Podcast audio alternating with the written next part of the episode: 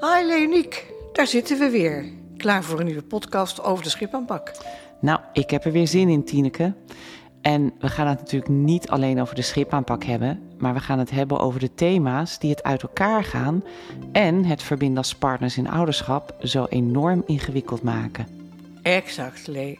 Veel van die thema's zullen ook te koppelen zijn aan relaties in het algemeen. Eh, ik ben er klaar voor. En waar gaan we het over hebben? Nou, een interessant onderwerp voor vandaag, had ik gedacht. De connectie tussen verlies en conflict.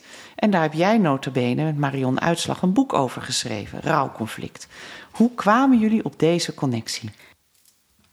Voor degenen die haar niet kennen, Marion Uitslag is, vind ik, echt een van de beste mediators uh, en opleider in mediation. En auteur van uh, een aantal boeken over mediation. Uh, en niet heel onbelangrijk, ze is ook nog een vriendin van mij. Nou, aan de keukentafel hadden we het er vaak over. Dat het vak van mij als rouwtherapeut en dat van haar als mediator best heel veel overeenkomsten had. Hè. Verliezen en conflicten zijn de grootste ontregelaars in de mensenleven. We doen misschien ons hele leven niets anders dan die twee te proberen te vermijden. En tegelijkertijd komen we ze tegen.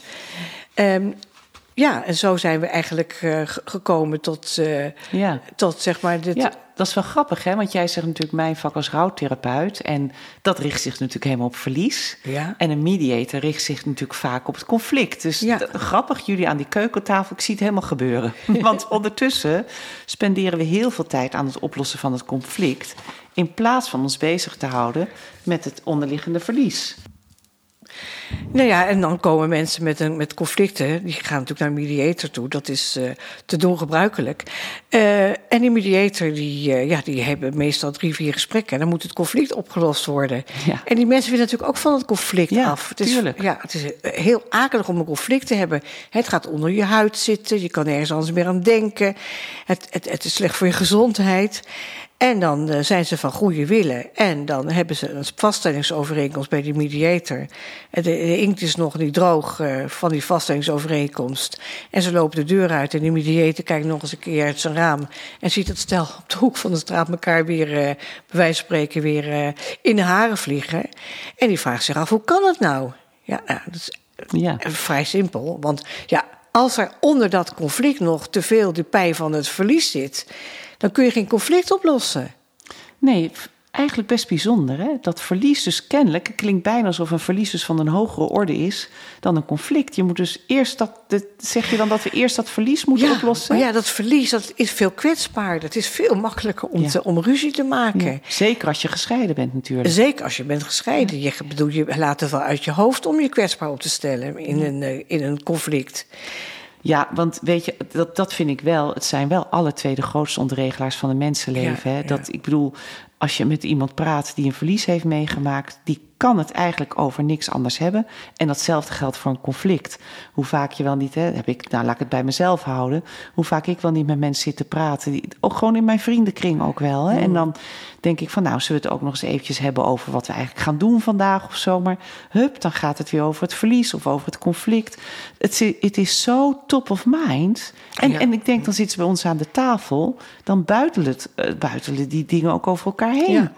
Ja, en het verlies komt steeds minder, of, hè, komt steeds meer uit het zicht. Ja. En de omgeving doet daar natuurlijk ook, met alle, alle respect voor de omgeving, doet daar ook een, een, heeft ook een aandeel in. Hoe dan? Wat bedoel je daarmee? Nou, de, omgeving die, eh, kan veel meer uh, uit de voeten met een conflict, want daar hebben ze wel oplossingen voor. Hè. Je moet zus doen, zo doen.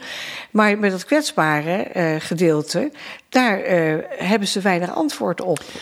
En weet je, ik denk ook wel eens dat komt ook, dat kwetsbare gedeelte of dat verlies, daar zit natuurlijk ook machteloosheid op. Want je kan niets doen om dat verlies ongedaan te maken. En ik denk, als therapeut is het al ingewikkeld om het kwetsbare te erkennen en daarbij te blijven, dat te verduren zou je kunnen zeggen. Hmm. Omdat het raakt zo aan ons oplossingsgerichte vermogen. We willen graag oplossen. Dus die buitenwereld die gaat dan misschien wel liever naar het conflict, want denken ze, daar heb ik wat in bij te dragen. Ik draag niet bij als ik naast jou blijf zitten en een zakdoek aanreik of mijn arm op jouw schouder leg of wat dan ook. Hè? Ja, ja die doen er nog schep bovenop. Laat je niet kist. Uh, zorg dat je krijgt waar je recht op hebt en laat het toch niet. En stel je nou voor dat je in je, in je ambivalentie. Hè? Want je bent jaren samen geweest met degene waarvan je nu gescheiden bent. Eh, maar je bent ook jarenlang bij me geweest, uh, om belangrijke redenen. Dus van nu dan komt ook weer dat oude gevoel van... Uh, ja, waarom je zo van voor die ander bent gevallen terug. Ja. Of misschien ben je ook nog wel eens in twijfel. Heb je de goede beslissing genomen? Want iemand is natuurlijk niet alleen maar een verschrikkelijke iemand, maar heeft ook zijn, zijn mooie kant. En die ken jij als de beste. En misschien ga je twijfelen. En dat is natuurlijk heel verwarrend. He, dan komt dat verlies, dat is daar, daar hadden ze jezelf al mee. Want dat is lastig om dat zelf toe te laten, die ambivalentie. Mm. Maar om dat met je uh, omgeving te bespreken, die mm. raken in verwarring. Die denken, wacht even, ja. we gaan nu niet uh, ja. onze keutel intrekken. Hè? Want, uh, hè? nou ja. Ja, precies. En weet je, ik denk dan ook het gedrag wat voortvloeit uit die conflicten. Of nee, ik moet het eigenlijk anders zeggen. Het gedrag dat voortvloeit uit die verliezen, laat zich zien in conflicten. Nou, precies, Lee. Precies, ja, En daar kijken we tegenaan. Ja, Die verwijten, die boosheid en, en elkaar uh, van alles toewensen. Nou, hè. Ach ja, dat, ik moet ook echt wel denken als, als ik dan in mijn werk bezig ben met stellen. Als je dan naar dat verlies gaat, of in ieder geval je koppelt dat conflict aan dat verlies.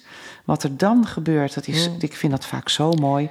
En daar heb jij natuurlijk ook met Marion dat hartmodel over ontwikkeld. Hè? Dus dat is ook fijn, want daar gaan we het volgende keer over hebben. Daar gaan we het volgende keer absoluut over hebben. Zeker. want een hartmodel klinkt een beetje medisch.